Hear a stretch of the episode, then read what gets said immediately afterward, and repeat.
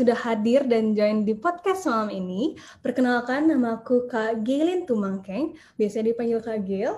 Aku jemaatnya di Bintaro, Tangerang Selatan. Kesibukanku sekarang lagi kuliah.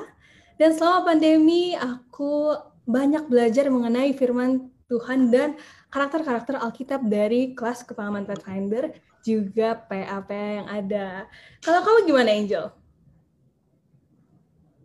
Wah, keren banget ya Kak Gil selama pandemi belajar Alkitab. Nah, contoh yang baik nih buat teman-teman Pathfinder semuanya. Kalau aku, kenalin namaku Angelica Sadi dan jemaatku jauh dari tempatnya Kak Gail nih. Aku dari ujung timur Indonesia. Jemaatku di Jemaat Sanggeng, Manokwari, Papua Barat. Halo teman-teman, kalau ada yang dari Papua juga komen ya di bawah. Siapa tahu kita bisa ketemu nanti. Kesibukanku Amin. selama ini bersekolah.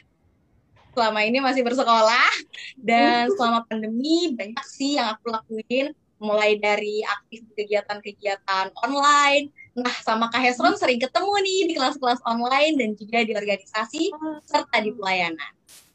Puji Tuhan. Semoga di Karik Pathfinder juga nggak kalah semangat dan aktif ya sama kayak kakak Gailin dan kakak Angel yang sekarang mencari banyak yes. uh, cerita-cerita Alkitab, juga hobi-hobi baru ya kak. Aku dengar kakak juga cari-cari hobi baru ya.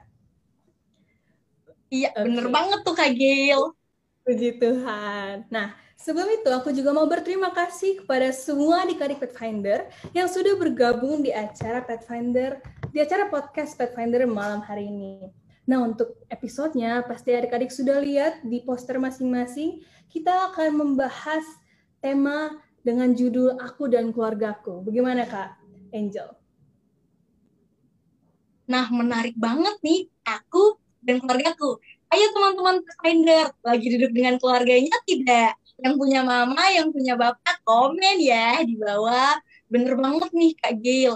Ternyata pembahasan hari ini nih masih bersambung dengan pembahasan oh. minggu lalu. Teman-teman nonton nggak podcast minggu lalu? Aku dan keluargaku masih bersambung mengenai cerita alam dari podcast yang kemarin nih, Kak Gail. Betul. Dengan judul Alam dan Kedua Sisinya. Oke, kita akan lanjut lagi nih, Kak. Ya. Kita mau kasih tahu ya, um, sosial media um, podcast atau sosial media Pathfinder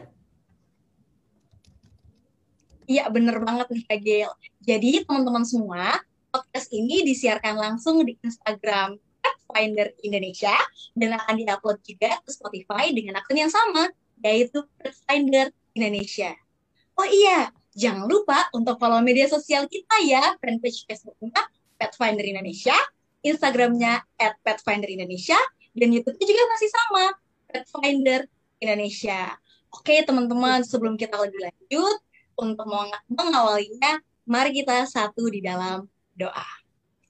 Bapa di surga, kami bersyukur, berterima kasih dalam situasi dan kondisi, dan kondisi pandemi seperti ini. Engkau boleh mempertemukan kami semua dengan teman-teman Pathfinder di mana pun mereka berada.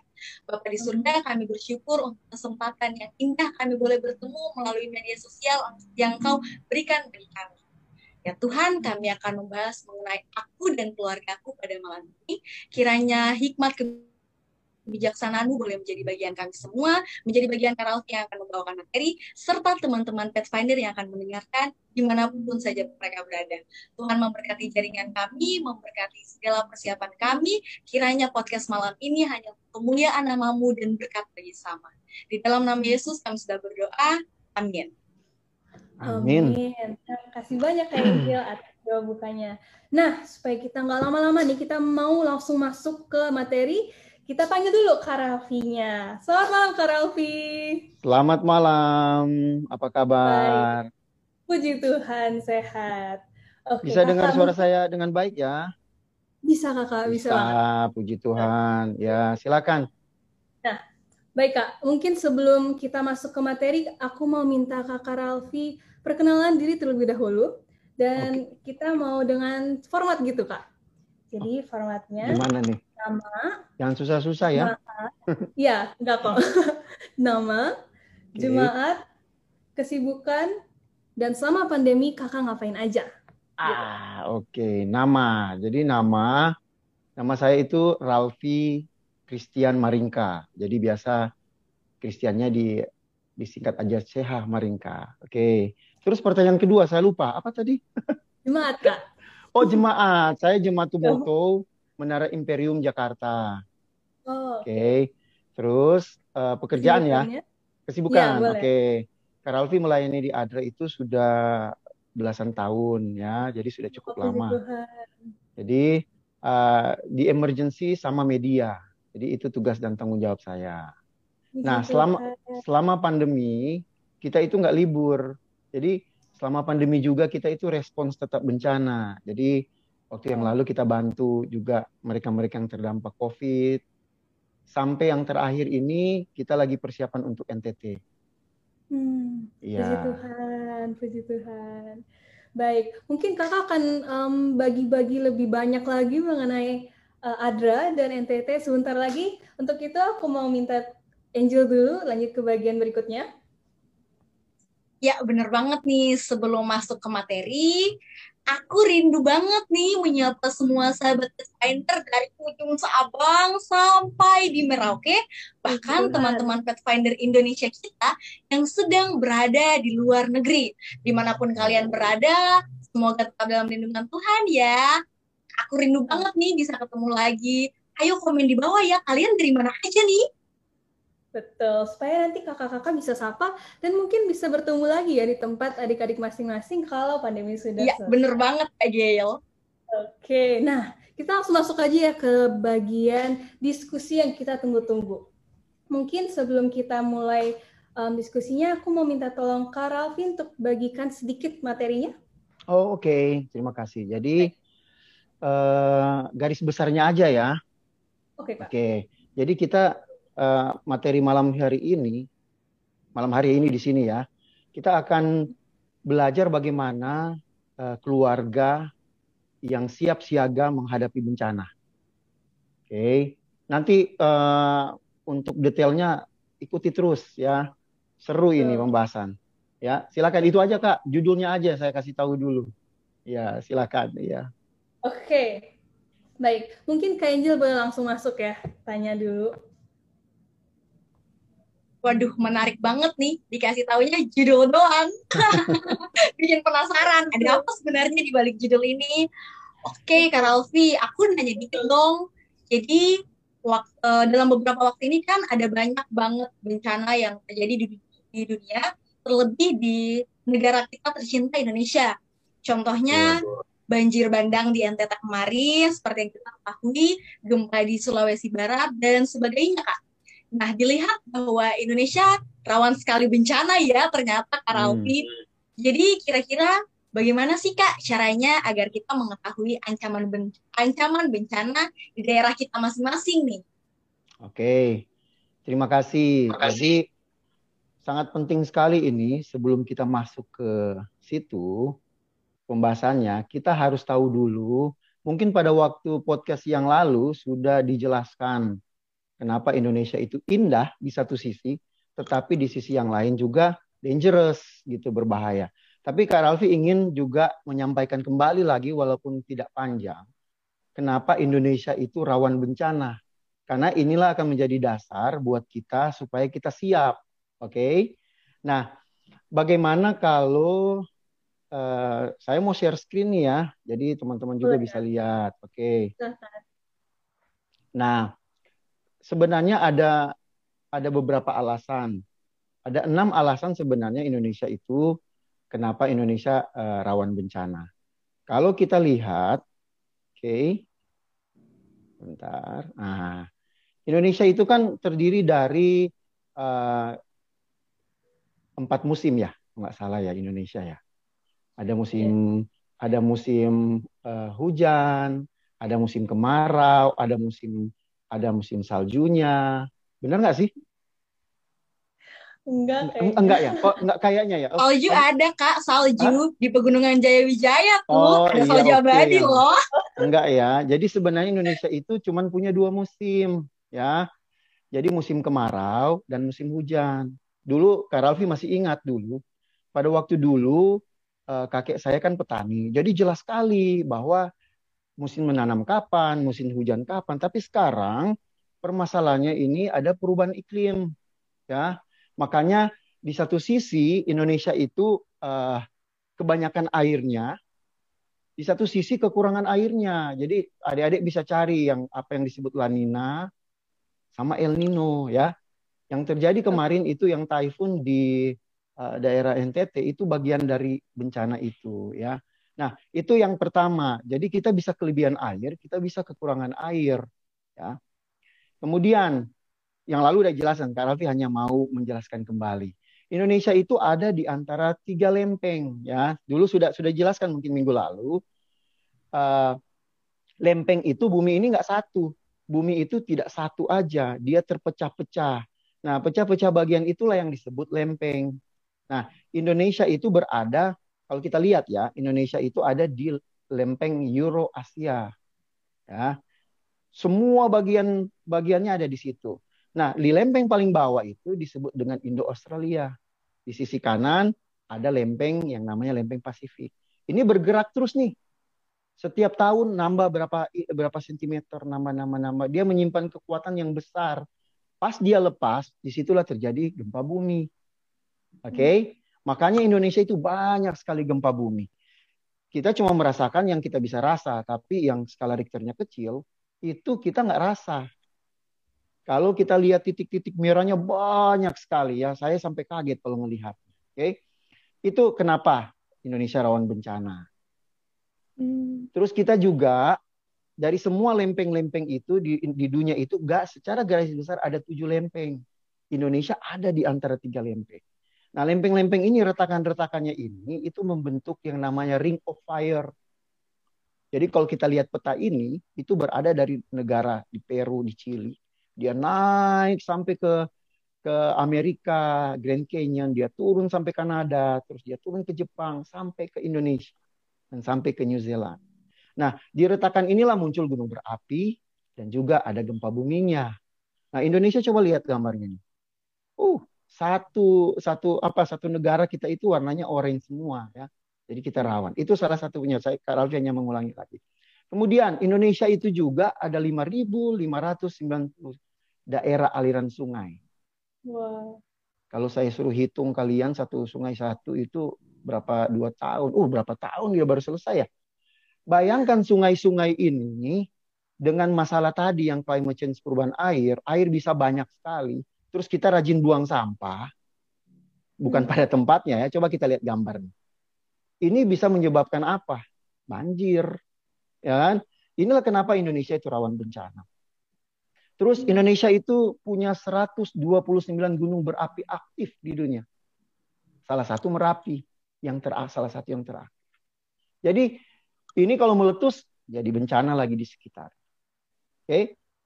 Nah, yang terakhir, saya nggak punya gambarnya. Indonesia ini berbagai macam suku, bahasa, ada budaya, ada agama.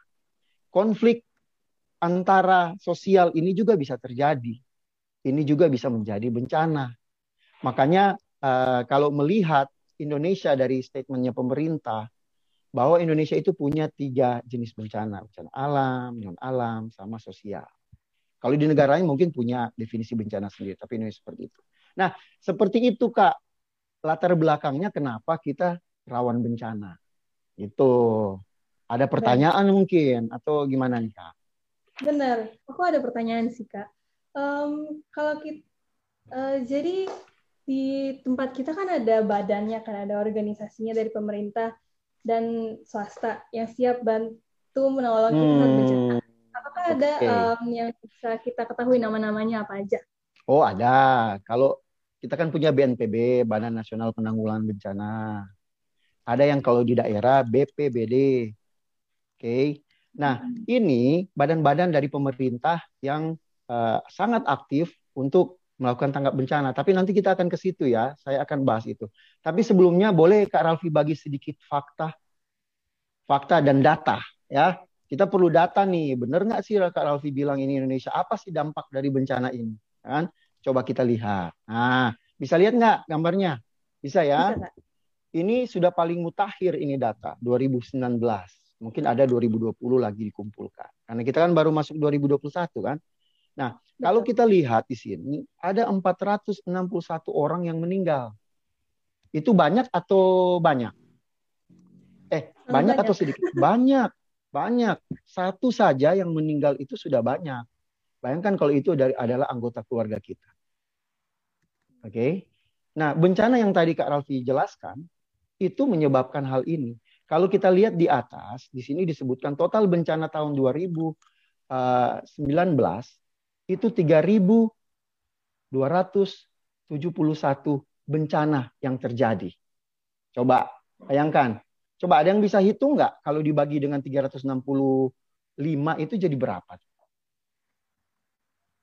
Coba. Kita hitung dulu. Coba ya. hitung, coba hitung. Silakan. Coba. Jadi berapa itu per hari? 271 dibagi ya. 365 kira-kira hmm. ada 8 atau 9. 9. 9 bencana. Hari ini saja sudah ada 9 bencana terjadi. Tahu enggak di mana? Enggak tahu karena enggak diekspos. Kalau semua bencana kita ekspos, bayangkan media kita itu ada 3.200 dalam setahun yang diekspos. Kalau kita lihat dari kerugian 5,94 juta orang menderita dan mengungsi. Mengungsi itu mereka harus mengungsi satu tempat tinggal dalam tenda. Kita kalau camping kan paling campingnya ya 3-4 hari lah di, di tenda sudah nyaman pulang rumah. Tapi mereka itu bisa bisa tenda uh, bisa uh, di pengungsian itu bisa lama banget dan kekurangan air makanan. Jadi dampak dari bencana ini sangat besar, belum yang meninggal, ya kan? Nah, itu sedikit fakta tentang bagaimana bencana ini memberikan kerugian yang besar buat uh, banyak orang. Nah, oke. Okay? Nah, tadi untuk menjawab pertanyaannya bahwa di situ disebut dibilang oh ada kok kalau terjadi bencana alam kan gampang nih kan ada pemerintah yang bantuin. Ya kan? Ada tim SAR yang siap turun. Ada ADRA yang juga bisa turun kapan saja kalau ada bencana. Nah, ini adalah pemandangan dan pemikiran yang masih keliru okay? masih kurang bijaksana. Nah, sebelum kita ke situ, Kak Ralfi ingin sebenarnya menjelaskan sedikit lagi, sedikit saja supaya kita punya dasar. Nggak apa-apa kita ulang-ulang supaya kita tahu ya. Bagaimana sebenarnya uh, bencana itu. Jadi kalau bencana kita bisa lihat ada siklusnya. Sama kayak waktu uh, dalam kehidupan kita. Ada siklus kita uh, di masa kita tidak sakit, kita sakit, terus masa pemulihan. Begitu juga dengan bencana. Bencana ini ada masa di nama yang namanya prabencana. Nah, saat kita zoom ini di daerah kita, di Kak di daerah Kak Gelin ini sama Kak Angel, itu ada bencana enggak? Nggak ada kan ya? Nggak ada. Itu itu berarti kita masuk dalam fase yang prabencana. Kita belum ada bencana. Kita kadang-kala di, di fase ini kita nggak siap. Nah, santai aja, ya kan? Tetapi berikutnya ada fase saat bencana. Oke. Nah, saat bencana terjadi, gempa bumi tiba-tiba terjadi, ya kan? Kemudian fase berikutnya itu adalah namanya pasca pra bencana. Di sini ada rekonstruksi rehabilitasi. Oke, sudah sampai sini kita sudah dapat poinnya. Jadi kita punya ada saat pra bencana, ada saat bencana, dan pasca bencana. Ini ingat ya, tiga ini ya, ingat ya, tiga ini. Kalau menurut saya mau tanya nih Kak Gailin nih sama Kak Angel. Kita siapnya di mana nih harusnya? Harusnya sih sebelum bencana ya Kak. Ah masa, bener. Udah siap nih Kak Gelin kalau sekarang terjadi bencana mau ke mana? Kita sekarang yang lagi duduk lagi duduk dalam ruangan ini tiba-tiba gempa bumi tahu nggak mau ngapain? Ah, nah lo udah tahu ya, udah tahu ya. Mungkin adik-adik Pathfinder juga, kakak-kakak MG yang juga hadir pasti sudah tahu. Kita mengulang ya. Diulang-ulang supaya kita ingat. Ingat ya, ini fase ini ya. Oke, kita lanjut sekarang. Kesadaran ini penting. Kadangkala kita berpikir pada saat kita melihat tim penolong yang turun, angkat temboknya, bantu orangnya, helikopternya, ada yang turun gitu dengan tangga, uh keren banget. Kita berpikir bahwa uh, bencana itu di situ momen yang paling pas. Sebenarnya itu salah. Menurut penelitian, ini kalau kita lihat di screen-nya ini, tahun 1995 ada penelitian tentang hasil survei kejadian gempa bumi besar di Hansin, Jepang. Ya. Coba kita lihat. Bisa lihat kan Kak Gailin sama Kak Angel? Coba. Yang Ya, dibantu yang dibantu regu penyelamat itu berapa orang? Berapa persen coba? Kelihatan nggak? Satu 1,7 persen. Besar tidak? kecil. Kecil kan? Kalau kita pakai skala 100, 100 korban, itu cuma sekitar dua orang yang diselamatkan oleh regu bantuan penyelamat. Itu tiga hari setelah bencana. Tetapi yang diselamatkan oleh diri sendiri itu berapa orang coba?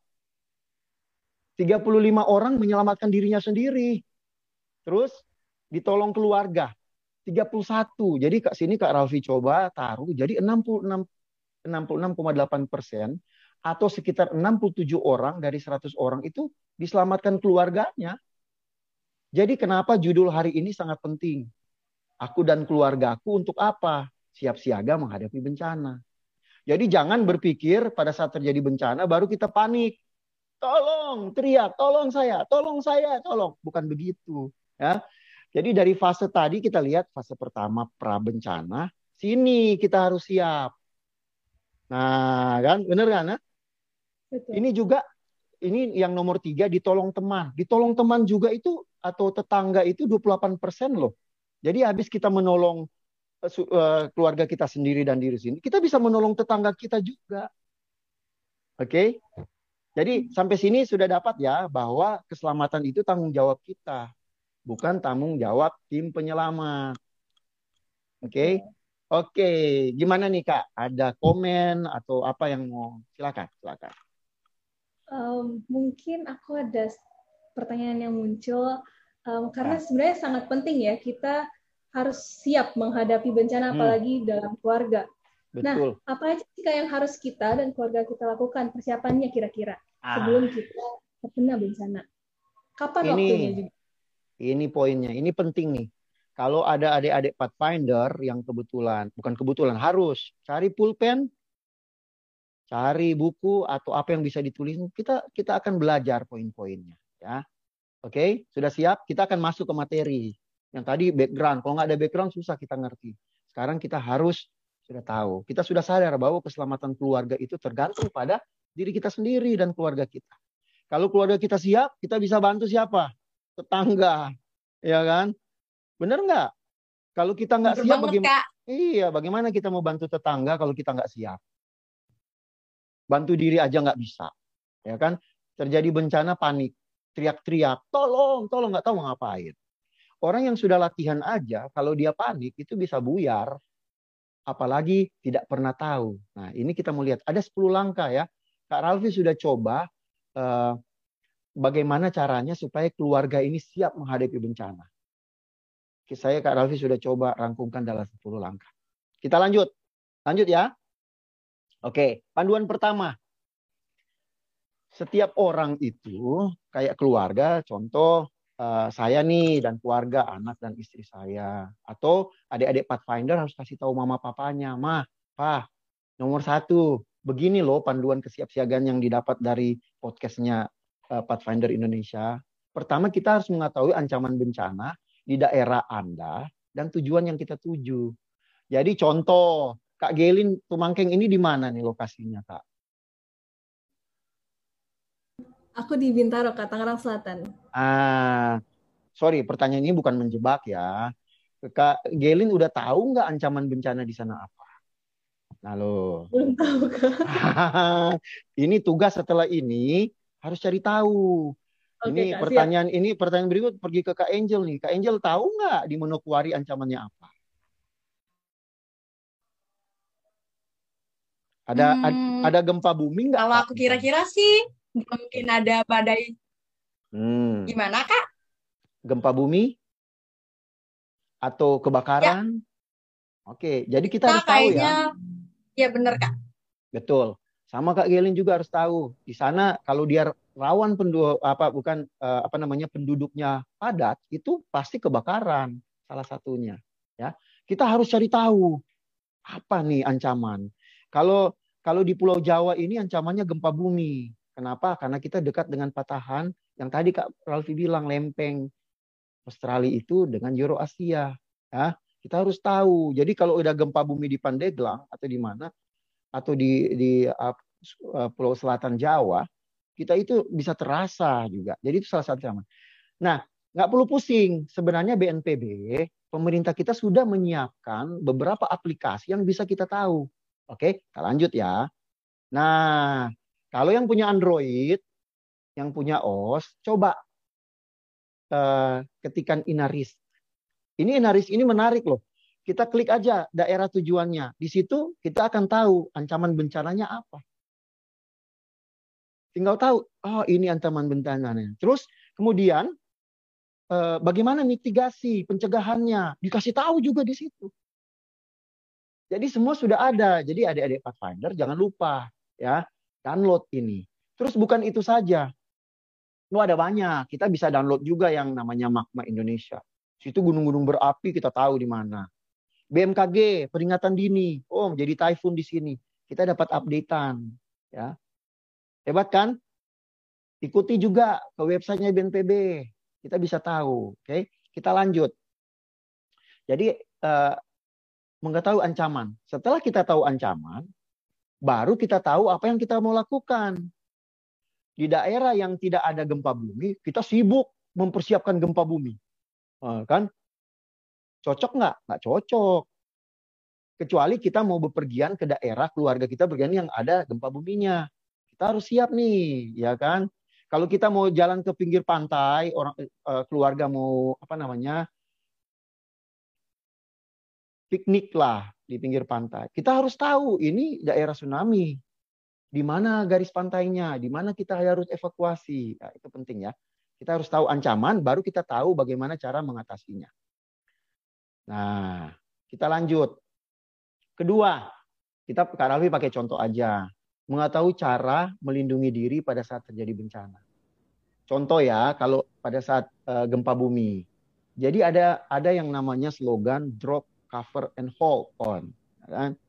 Jadi pada saat terjadi bencana, uh, gempa bumi, jangan panik. Biasa orang teriak, mau cari keluar dari pintu. Padahal pada saat kita keluar dari pintu, bisa aja kita kejatuhan batu bata, genteng.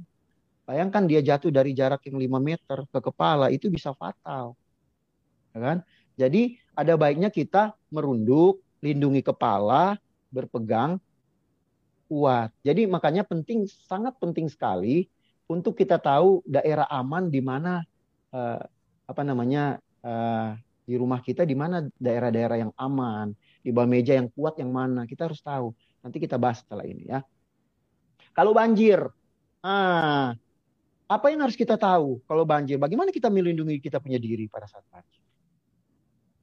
Yang pertama harus tahu berenang dong nah jadi buat adik-adik pathfinder kalau mau jadi master guide itu harus bisa berenang yang Kak Ralfi tahu uh, belajar berenang ya supaya pada saat banjir kalau kita tiba-tiba memang kita bisa berenang, bisa selamat, ya. Oke, itu salah satu contoh ya. Kita kedua, eh, ketiga, kita harus mengenali bagian dari dalam rumah atau kantor yang dapat dijadikan sebagai perlindungan. Kita harus tahu rumah saya ini. Nah, selama ini kan jarang banget kita ngelihat rumah kita yang kuat yang mana. Ada retak nggak di dinding? Ya kan? Kita biarin aja retaknya. Karena kita nggak tahu. Kuat nggak dindingnya? Atau uh, kalau terjadi gempa bumi, meja mana yang paling kuat? Hah? Nanti kalau gempa bumi masuk ke dalam meja ini, nah mejanya meja jelek, gampang rusak. Bikin meja yang kokoh, ya kan? Supaya kita tahu kalau masuk ke dalam meja itu mejanya kuat. Atau oh daerah ini uh, ruang tamu ini struktur bangunannya itu kuat, kita ke situ. Jadi kita harus tahu mana yang uh, struktur bangunan kita yang kuat. Juga kita harus, ini ingat nih, nomor empat ini penting nih. Kita menghindari bagian di dalam rumah yang berisiko membahayakan. Sekarang pertanyaan.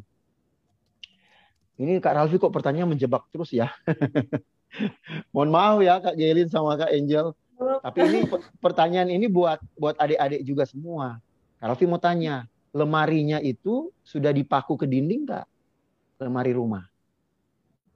Belum, Kak. Belum. Kalau gempa bumi bisa roboh nggak itu? Berpotensi roboh banget, Kak. Roboh. Jadi penting banget kalau kita punya lemari, kalau Kak Ralfi ya di rumah, itu Raffi beli yang segitiga yang siku di toko bangunan tuh banyak. Terus saya pakukan itu di lemari sama dinding. Hmm. Jadi kalau dia goyang lemari nggak jatuh. Oke, okay? kita harus tahu. Terus gantungan. Oh, kita gantung lampu-lampu kaca di atas. Ya kan? Itu kalau gempa bisa jatuh nimpa kita. Kita harus tahu. Kalau memang seharusnya tidak terlalu penting. Kalau memang mau, kadang-kala kan rumah kalau harus indah lah ya. Jadi nggak apa-apa ada gantungan, tetapi pakaiin kawat supaya dia kuat, nggak gampang jatuh, ya. Oke. Okay? Jadi kita harus tahu bagaimana bagian-bagian rumah yang uh, berbahaya. Contoh aliran listrik, colokan-colokan. Itu bisa menyebabkan. Kita mesti tahu, kita harus petakan, ya. Sampai di sini ada pertanyaan enggak? Kalau enggak, Karalfi lanjut. Belum ya? Lanjut dulu ya. Oke. Okay. Ya. Nah, jalur evakuasi. Jadi kalau contoh Kak Gili nih, kalau di uh, rumah padat penduduk gitu, contoh. Kalau kebakaran tahu nggak mau lari ke mana? Harus tahu, harus petakan. Ini kalau dari rumahku keluar jalan raya yang aman itu lewat sini dan sana. Kalau saya lari ke sana menyelamatkan diri itu begini menit. Jadi kita tahu alternatif untuk menyelamatkan diri di mana. Dan jalur evakuasi ini sudah harus disetujui satu keluarga mama, papa, oma, opa yang tinggal di dalam satu rumah itu harus tahu. Jadi pada saat contoh gempa bumi terjadi, kita mau menyelamatkan diri, kita tahu kita ngelewatin tembok-tembok yang bisa roboh. Nah, jadi kita analisa eh, ancaman-ancaman yang ada di situ. Nah ini kan kalau kita nggak bahas, kita nggak tahu kan hari ini bahwa ini penting. Oke, okay? kalau kita dekat pantai, rumah kita sudah ada nggak jalur evakuasi ke daerah dataran lebih tinggi? Hah? Harus tahu, oh ini perbukitan di sana. Jangan nanti pada saat terjadi bencana baru kita panik cari-cari. Mana ya? Telepon, permisi Pak. Boleh tanya Pak, di mana jalur evakuasi? Kan telat. Kita harus sudah dari awal kita tahu. ya. Nah ini, kita juga harus mengetahui, kita harus setuju. Jadi contoh, keluarga itu kan biasa kalau tidak di zaman COVID, mama papa, papa kerja, mama di rumah, anak sekolah. Kalau terjadi bencana ini bisa terpisah. Harus setujui kita nanti kalau terjadi bencana ngumpulnya di mana? Ada kantor polisi. Jadi semua nanti bakal ketemu di situ ama karena semua tahu mau ke situ. Alternatif kedua, di mana gitu. Jadi kita tahu keluarga pada waktu itu anakku pasti ada di kantor polisi. Atau anakku ada di, di kantor desa. Karena sudah kita atur sama-sama. Oke? Okay? Harus setuju kita bertemu di mana. Karena nanti bingung. Kita nggak mungkin ke sekolah atau apa. Kita atur lah ya keluarga di mana yang paling dekat kita bisa berkumpul. Kemudian menyiapkan perlengkapan standar keadaan darurat bencana untuk keluarga. Nah, menurut pengalaman Karalfi, tiga hari itu adalah masa paling uh, fatal, apa sih, nah, kritis. Bantuan kadangkala turun itu setelah tiga hari. Ya, kita bertahan hidup nggak setelah tiga hari? Tidak ada warung buka, tidak ada toko-toko buka beli makanan, ya. Mau beli baterai pun nggak ada, mau beli di mana pun susah. Jadi baiknya ada yang namanya tas siaga bencana. Apa saja yang ada dalam tas siaga bencana itu macam-macam.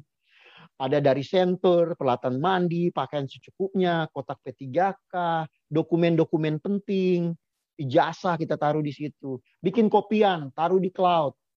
Atau bikin salinan, kirim ke keluarga yang di luar uh, daerah kita yang kita percaya. Gitu ya. Karena kalau tidak ada makanan, kita ada makanan untuk selama tiga hari. Ada makanan yang kayak uh, wheat bix yang bisa kita makan, yang dari gandum yang bisa satu tahun. Itu cukup lumayan bikin kita kenyang dan berenergi selama tiga hari. Penting ya ini ya. Oke, kita lanjut ya. Tas bencana ini penting, harus ditaruh di tempat yang aman. Tinggal kita tarik bawah. Ya. Lanjut mencatat nomor telepon setiap anggota keluarga. Nah, coba menghafal, ya kan? Hafal nomor telepon mama, hafal nomor telepon papa, anak, kita harus hafal. Jangan cuma pacar yang dihafal nomor teleponnya. Nah, jadi pada saat terjadi bencana, kita bisa saling teleponan kalau memang signal masih ada. Nah, yang paling penting catat juga keluarga jauh. Kan? Pada waktu ke connect sesama kita enggak, pada saat kita ada di kantor BPBD contoh bisa call keluarga kita di luar daerah, kita hafal nomornya. Jadi mulailah menghafal ya sekarang. Bagaimana caranya? Pinter-pinter lah ya. Oke, kita lanjut ke sembilan. Nah, ini penting juga mencatat nomor-nomor penting terkait keadaan darurat bencana. Nah, aku mau tanya nih, oh, jangan lagi nanti menjebak lagi. Gak boleh Kak Ralfi loh. Ya kan? Oke, kita lihat di sini aja. Kalau kita uh, tiba-tiba lihat kecelakaan di jalan, terus kita perlu mau kontak polisi. Gimana caranya? Kita kontak siapa? Nomor berapa? Sudah ada loh di situ. 110 telepon. Ya kan? Ini kita harus hafal. Yang penting-penting aja. Kalau listrik mati atau ada kebakaran, terus listrik itu korslet, kita telepon aja 123. Jadi nomor-nomor penting ini harus kita hafal. Nggak panjang kok. Atau kita taruh di mana lah supaya kita bisa bawa terus ya. Uh, sekarang nomor 10. Yang terakhir nih. Setelah itu apa kak? Dari 1, 2, 3 kita udah latihan, rumah kita udah benerin, uh, barang soal yang lemari tadi, penting untuk mengatur lemari kita, barang-barang yang berat itu harus di bawah. Nah, di bagian bawah. Terus kemudian, uh, semakin barang-barang itu semakin ringan, semakin di atas. Jadi kalau dia jatuh pun aman. Bayangkan kalau kita taruh, uh, apa ya paling berat ya contoh, TV. TV yang dulu tuh yang TV tabung kita taruh di atas lemari. Lumayan kalau ketiban itu. Tapi di atas semakin ke atas semakin ringan. Nah, bagaimana caranya? Kita harus mempraktekkan. Jadi kita bikin simulasi. Oke, okay? kita harus bikin simulasi. Oke, okay, uh, eh, drill, simulasi Pak.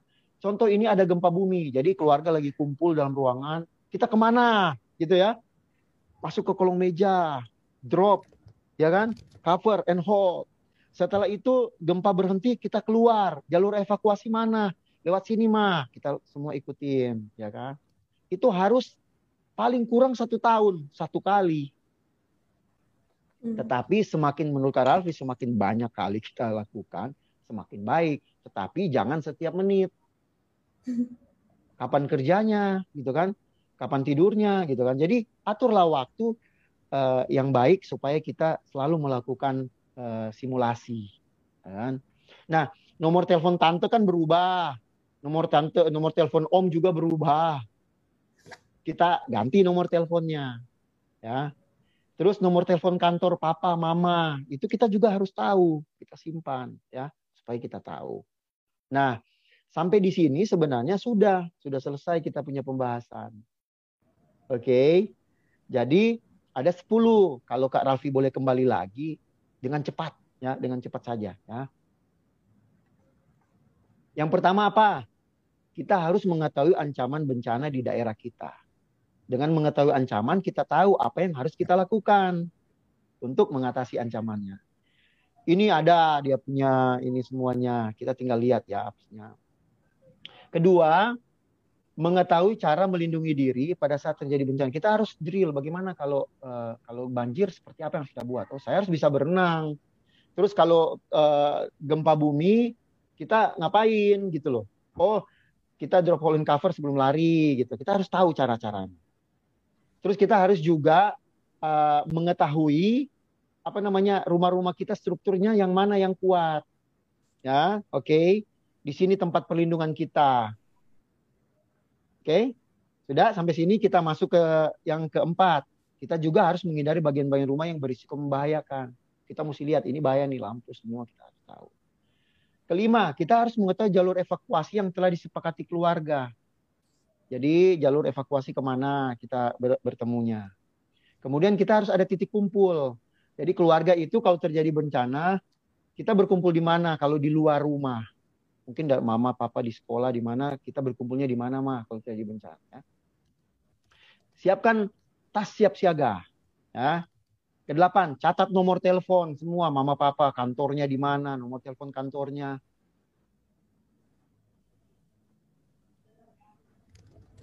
Oke. Okay? Kita lanjut lagi. Kesembilan, mencatat nomor-nomor penting terkait keadaan darurat. Nah, ini yang ini nomor telepon nih. Kita harus tahu. Terus kita harus praktekkan, selalu harus simulasi. Supaya kita terbiasa dan tidak panik. Nah, Sampai di sini Kak Ralfi sudah selesai pembahasan kita. Kalau mau ada pertanyaan, silahkan. Oke, berarti tadi pertanyaannya Angel udah terjawab juga ya kak? Ah, syukurlah kalau gitu. Iya betul. Oke. Oke, mungkin di sini ada pertanyaan dari IG kak, dari oh. Lambert Ezekia. Pertanyaannya, okay. kak, bagaimana caranya kita bisa tenang saat terjadi bencana?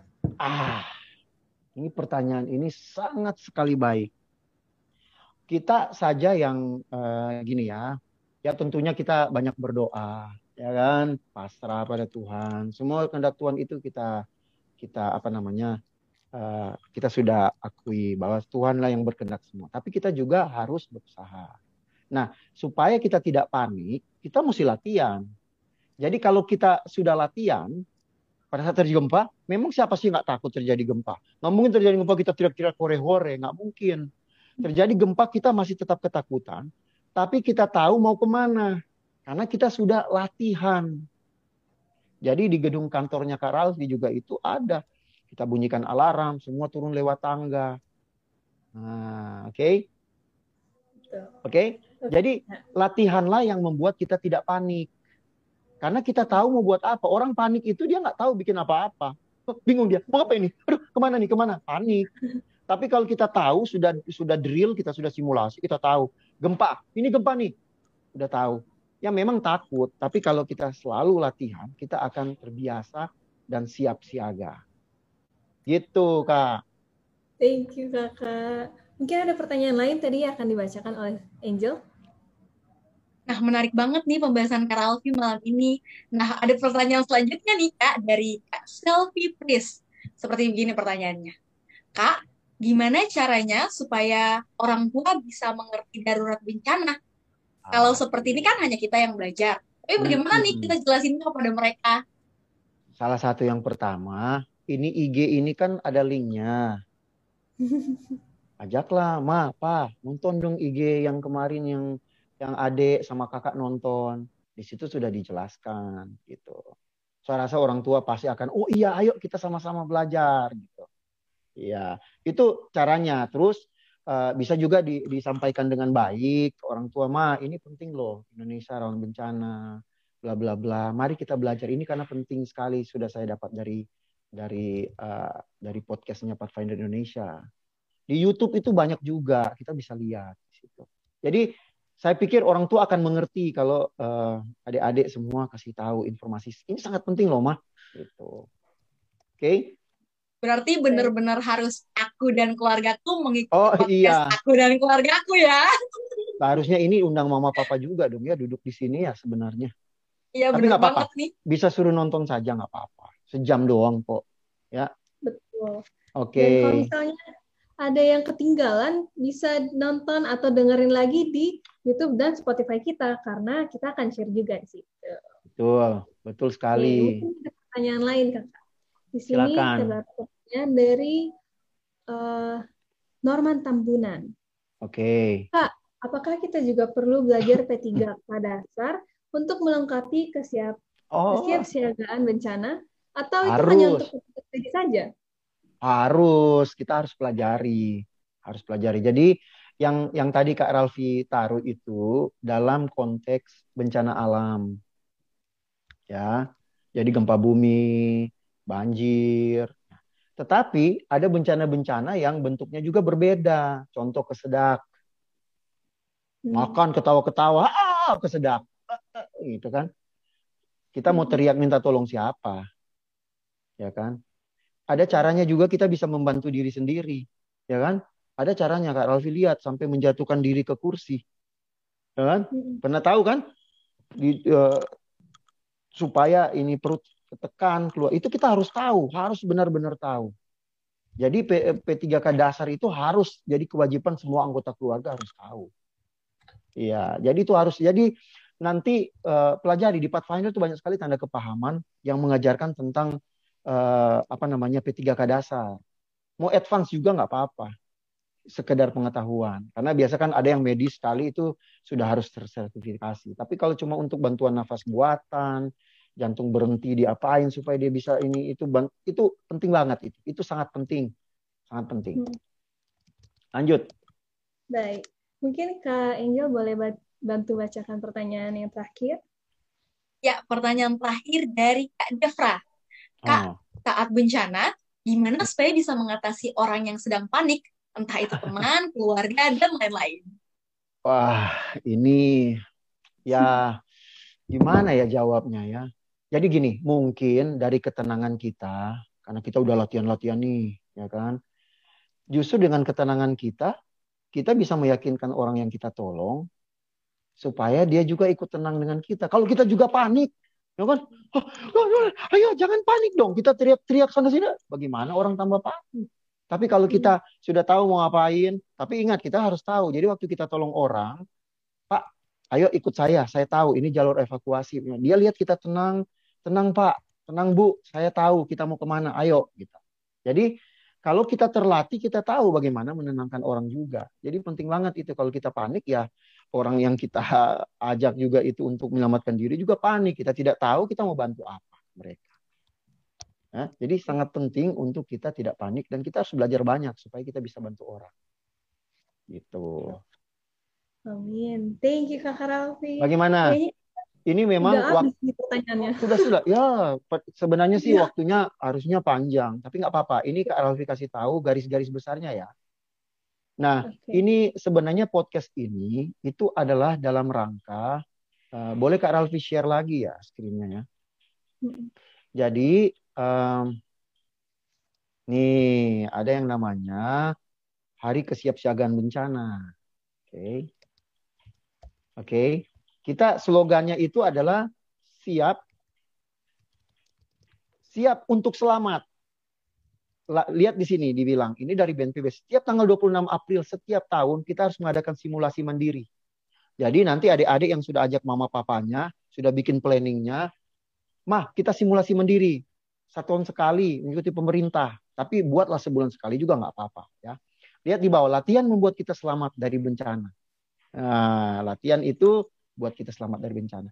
Nah, tadi pembahasannya bisa kita dapat dari sini. Jadi ada buku panduan kesiapsiagaan bencana untuk keluarga. Nanti saya minta adminnya taruh linknya di bawah, ya. Jadi nanti adik-adik Pathfinder bisa download. Di situ semua apa yang harus kita lakukan ada di situ. Saat, pra, dan semuanya. Ya. Sampai di sini oke. Okay. Sip. Ya. Mungkin terakhir banget nih Kak. Tadi ada baru banget masuk pertanyaan. Oh boleh, Bantu silakan. Mungkin singkat aja kali ya Kak. Um, pertanyaannya, okay. apakah teknik relaksasi nafas nafas dalam itu benar-benar menurunkan kepanikan? Oh pasti. Itu bagian dari, nah ini kan kalau kita sekarang kapan kita mau tarik nafas dan yang lain-lain itu? Coba. Kapan waktunya? kita sudah harus belajar dari sebelum bencana, ya kan? Relaksasi. Dan bisa juga kita ajarkan tarik nafas yang dalam bu supaya tenang sambil kita. Dan kita juga harus tahu bahwa kita kita juga tuh bisa membantu dia. Bisa, iya itu pasti relaksasi tarik nafas yang dalam. Santai bu, saya tahu mau ke mana, ayo tarik nafas. Oke, ya. Baik, thank you kakak. Terima Oke, kasih. Mungkin Betul. Mungkin um, udah habis ya Kak waktunya, okay, tapi siap. aku minta Kakak kasih closing statement sedikit bagi adik-adik yang sedang mendengarkan. Oke, okay, oke. Okay. Jadi, keselamatan itu bukan tanggung jawab orang lain. Oke. Okay. Keselamatan itu adalah tanggung jawab pribadi kita masing-masing. Kalau setiap orang itu bertanggung jawab atas keselamatan, dia itu bisa bantu orang lain. Juga kesiapsiagaan keluarga itu sangat penting karena unit paling kecil itu ada keluarga. Bah, coba bayangkan kalau setiap keluarga di Indonesia itu siap siaga bencana, itu korban akan minim, ya kan? Kita hmm. siap siaga marisnya. Jadi itu saja closing statement dari Kak Ralfi.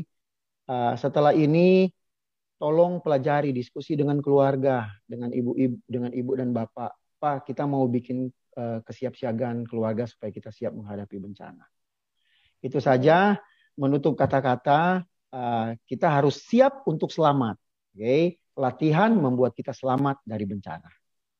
Amin. Thank you kakak atas materi yang sudah dibawakan. Terima kasih. Oke, okay. mungkin um, aku mau kasih tahu adik-adik kalau misalnya adik-adik merasa ya sayang banget kak, aku masih banyak pertanyaan dan um, masih penasaran nih, nah kalian bisa kontak um, Karalfi atau dari okay. direktur masing-masing pembina kalian supaya nanti Karalfi Karalfi bawain kelas kepahaman ADRA atau kelas ah, kepahaman bencana lainnya. Kita punya sembilan tanda kepahaman loh. Betul betul ya. banyak sekali. Nah mungkin ya. uh, Karalfi jangan um, segan-segan ya kalau misalnya aku undang ke gerejaku. Siap. Baik ada. Terima kasih. Nah, untuk itu sekarang kita akan melakukan foto bersama. Jadi nanti kita akan freeze kakak bersama uh, dengan Kak Angel untuk di screenshot sama adik-adik Pathfinder. Oke. Okay. Baik, kita akan sama-sama freeze dulu ya selama lima detik dua kali. Oke. Okay. Satu, dua, tiga. Oke, okay. sekali lagi Uh, sebentar kak. gini ya kak. Tangan gini, salam tangguh ya. Oke, okay. Okay, kita harus tangguh. Betul. Salam tangguh ya. Oke. Okay.